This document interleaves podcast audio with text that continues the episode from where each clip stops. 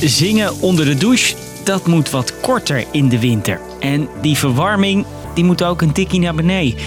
EU-landen denken het zonder Russisch gas te moeten doen als het weer weer kouder wordt. Want er stroomt geen gas meer door de gaspijp Nord Stream 1.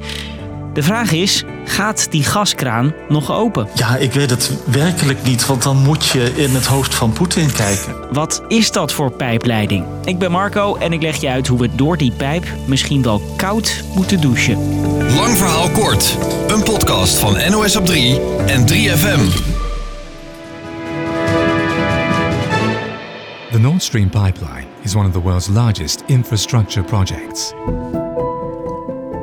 Ruim 1200 kilometer lang is die, de gaspijp Nord Stream 1.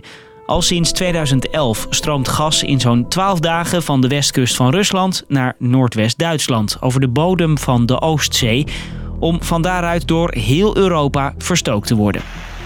Het was een mijlpaal tijdens de opening van de pijp. Europa zou flink veel gas van Rusland gaan kopen. En de banden waren toppie, zeiden de leiders van Duitsland en Rusland. We zeigen met diesem project ook die With this project, we show that we feel sure of a secure and resilient partnership with Russia in the future, opening a new chapter in the partnership of Russia with the European Union. Dan was er ook toen al kritiek. Voor miljarden is de pijp aangelegd en 26 miljoen huishoudens kunnen van het Russisch gas uit Nord Stream leven. Sommige EU-landen zijn heel afhankelijk van Rusland. Dat is bij ons iets minder. Wij verbruiken ongeveer 15% Russisch gas. Maar duidelijk is dat Rusland een flinke gasvinger in de pap heeft.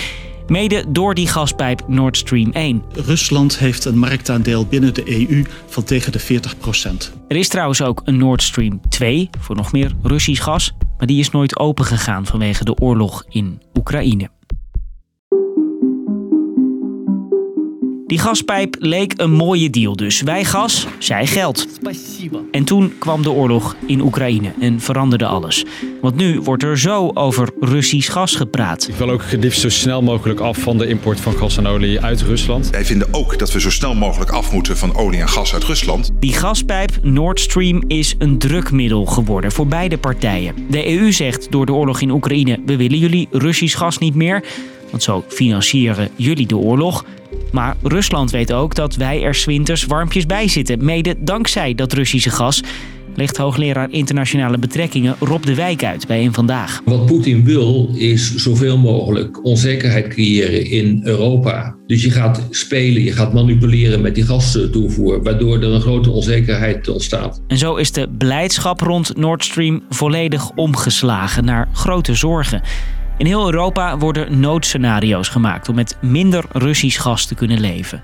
Sinds midden juni stroomt er al minder door de gaspijp. Dat merken ze bij de buren in Duitsland meteen, vertelt correspondent Wouter Zwart. Als die toevoer vanuit Rusland afgesloten blijft, ja, dan gaan we in de winter echt hele grote problemen krijgen. De kraan van Nord Stream 1 is nu dicht. De EU denkt dat die dicht blijft en dat die gaspijp leeg en ongebruikt in de zee blijft liggen. Het Russische gasbedrijf Gazprom zegt geen gas meer te kunnen leveren vanwege overmacht. Er wordt geklust aan Nord Stream 1 en dat wordt als reden genoemd, vertelt deze energie-expert. Ja, het is een vrij algemeen gevoel toch wel dat uh, Rusland hier uh, Poetin excuses uh, zoekt om niet te leveren en ons in Europa het leven moeilijk te maken op het gebied van gas. Als die kraan inderdaad niet meer open gaat, wat dan? Moet jouw verwarming dan dicht blijven straks? Dat betekent in ieder geval dat het uh, ja, lastiger wordt om onze voorraden in Europa te vullen voor uh, de winter. Je hoort Hans van Kleef, energie-econoom bij ABN AMRO. Hij heeft het over onze gasvoorraden. Grote tanks die we in aanloop naar de winter altijd vullen met gas.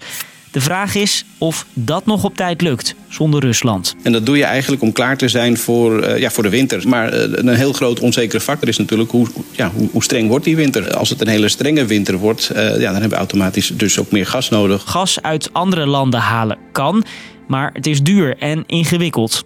Er zijn wel wat opties. Ghana is, is een alternatief. Uh, Azerbeidzjan wordt genoemd. Uh, Egypte is een land uh, wat in aanmerking komt voor, voor meer gasleveringen. En er wordt gekeken naar andere energiebronnen dan gas, zoals kolen en kerncentrales. Maar het is echt code rood voor Europa op energiegebied. Veel oplossingen heb je niet zomaar geregeld. Dus komen we weer in de badkamer uit. Het wordt waarschijnlijk ook vooral gas besparen. Meer dan één aflevering van Lang Verhaal Kort luisteren onder de warme straal. Niet doen. De EU wil 15% minder gas verbruiken. Dus de heaters gaan van het terras, de thermostaat lager en de douche moet eerder dicht. Dus, lang verhaal kort. Er wordt geklust aan gaspijp Nord Stream 1.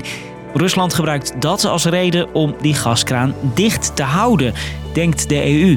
Nord Stream is een drukmiddel geworden na de oorlog in Oekraïne. De alternatieven voor Russisch gas zijn ingewikkeld en meestal duur. En dat was de podcast weer. Ik ga even afdouchen. Lekker warm, nu het nog kan. Ik juist even